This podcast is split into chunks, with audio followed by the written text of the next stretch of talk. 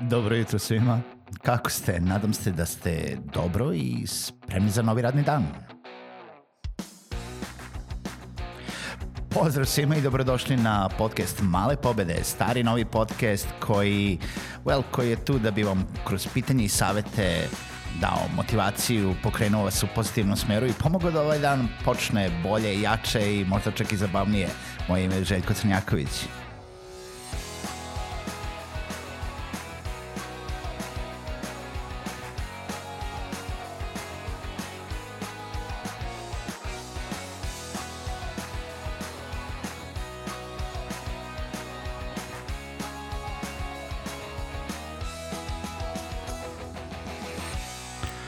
Pozdrav svima, dobro jutro i dobrodošli u još jednu epizodu podcasta Male pobede. Moje ime je Željko Crnjaković i kao i uvek želim da se zahvalim svima koji su i ovaj dan i ovo jutro i ovaj dan samo izolacije i izolacije sa podcastom Male pobede.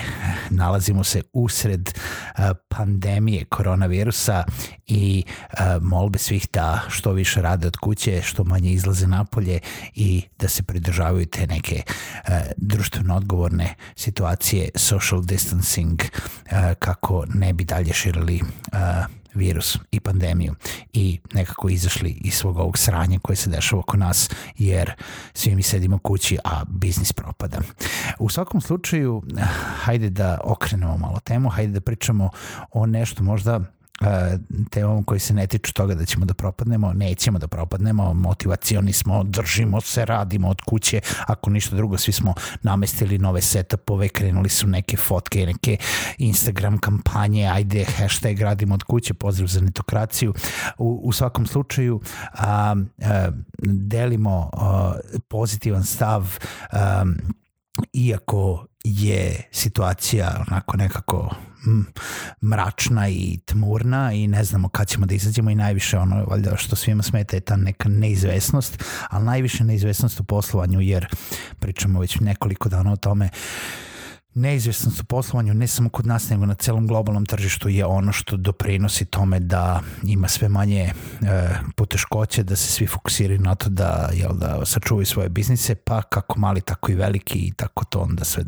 nalazi se na neke pauze u biznisu. No, hajde da pričamo o tome da radimo svi od kuće. U stvari da većina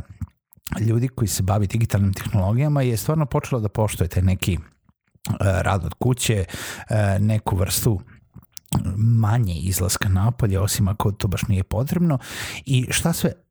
taj rad od kuće nosi. U stvari hteo sam da pričam sa vama nešto što sam sam primetio i nešto što sam pričao sa kolegama i koleginicama u proteklih par dana, naravno samo putem online sastanaka, uh, jeste da, ok, namestili smo se kući, radimo, počeli smo, napravili smo sebi neke koliko toliko dobre uslove, ne, jer nema svako dobre uslove za rad kući, nekome smeta buka, neko nema stol i čak gde da stavi um, za one, za nas koji imamo uh, taj neki kutak u kojem možemo da radimo u kući, namestili smo se da radimo i znate što sam primetio? Primetio sam da više radim nego na poslu. I to mi je nekako stvara nelagodnost. Ali ne mislim ništa u lošem smislu, nego ispada da zato što sam kući i zato što imam te neke mikro prekide i zato što uh, kad uh, sednem nešto da radim, uh, onda se zagledam pa radim više, onda ustanem pa uh, jel da napravim tu pauzu za neki doručak, ručak, kafu um, i onda dođe neka poruka i onda opet odem, sednem pa radim i zadržim se pola sata, sat, nekako nastavljam da radim i konstantno se vraćam da radim. I konstantno se vraćam u kancelariju naspram onog perioda kada sam zapravo išao u kancelariju, kada sam uspeo da odvojim taj neki uh, lični život, jel da privatni život i poslovni život i išao sam u kancelariju, znači ujutru sam se obukao, izašao iz kuće, seo u kola, odneo decu u vrtić, školu, šta god, otišao na posao, skuvao kafu, pravio pauze na poslu, ali sam bio na poslu i u nekom momentu, da li je to nekad bilo uh, rano popodne, redovno popodne ili od, posle uveče, nebitno koliko je posla to zahtevalo, u momentu kada sam došao kući, nije da nikad nisam radio, ali sam nekako onako malo pogledao mobilni telefon, ako je bilo nešto hitno, odgovorio sam nazad, ako nije bilo hitno, ostavio sam za sutra ujutro jer sam znao da ću ponovo otići u kancelariju. I da se u kancelariji zapravo obljuba posao. A kako radimo kući? Zapravo ispada da smo non stop u kancelariji, ali smo ujedno i non stop kući. I koliko god nemamo možda uopšte nemamo taj, tu separaciju između ličnog i poslovnog života i zapravo čim sednemo nešto malo samo zbiljnije da uradimo,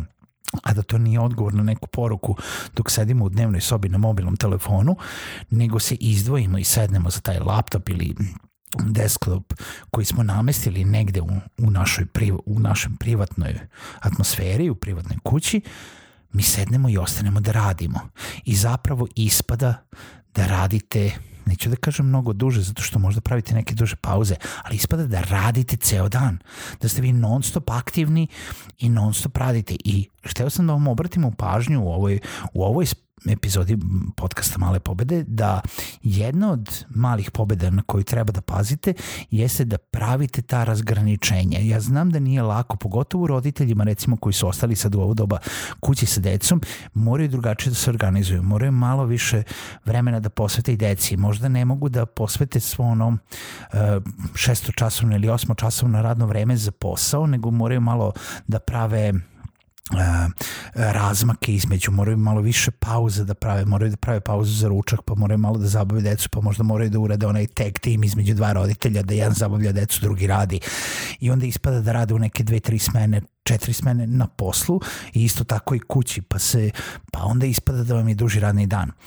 ali isto tako i kada to ne radite dolazite u situaciju i u opasnost da konstantno se bavite nekim poslom. I sad ne kažem da je to loša ili do, dobra ili loša stvar u tom smislu. Hteo sam da kažem da pazite, jer u nekom momentu dobro je odvojiti malo lični život od poslovnog života. Dobro je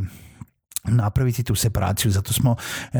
zato sam ja nekada i 2013. godine kada sam otvorio prvi, prvi coworking prostor u Subotici, e, drugi u Srbiji e, i poludeo za tim coworkingom i ulagao u to da bi dan danas bio jedan od najaktivnijih članova u coworking zajednici, jedan od jel, tih koji su pokrenuli celu, celu coworking sferu u ovom regionu i uh, u vezi sa celom coworking uh, globalnom scenom zato što mislim da treba da odvojite privatni i poslovni život i mislim da ne treba da radite kući kada to situacija nalaže, kada vam to situacija dozvoljava. I mislim da je super otići negde drugde da se radi jer neko to radi iz nužde zato što nema dovoljno uslova kući, nebitno da li se nalazi sam ili uh, jel da nema uslova zato što mu smetaju uh, jel da te ti prekidi, e, te obaveze kući, te, e, buka, deca, šta god to bilo ili samo nedisciplina pa imamo krevet pored radnog stola pa ćemo radije da legnemo nego da sednemo za radni stol ili imamo frižider ili imamo TV ili imamo šta god. Uvijek se setim kad sam živio u Garsonjeri pa je to sve tako stajalo jedno pored drugoga. Znači radni stol pa, pa krevet pa, pa kuhinski stol pa frižider pa nikad nisam bio za radnim stolom uvijek sam bio u frižideru tako izgleda. Tako da u svakom slučaju ovaj, morate da razgraničite malo. Kada, kada radimo sada svi od kuće tokom ovog perioda samoizolacije, samo je jako potrebno da budete disciplinovani u tome kada radite, kada ne radite, kada napravite taj prekid, da odlučite, ne kažem da je to uvek moguće, ali da, da date sebi oduška, da ne dozvolite sebi da vas ponese to što sad uh, non stop ste kući ili ste takođe isto non stop na poslu. Ne morate biti non stop na poslu. Nebitno i da ste privatni koji non stop razmišlja o poslu, ja non stop razmišljam o poslu, morate sebi napraviti to razgraničenje. Tako da mala pobeda za danas je uh, pogledajte kako radite u tim kućnim uslovima, da zapitajte se da li ste primetili ovo što sam ja primetio kod sebe da a, zapravo možda čak i više radim nego kada idem na posao, u stvari duže, u stvari više vremena provedem za poslovnim obavezama, zato što nije da to ne može da sačka sutra, nego jednostavno eto sad sedim pa radim jer šta ću drugo da radim. A, tako da zapitajte se malo oko toga i pokušajte da ne pregorite.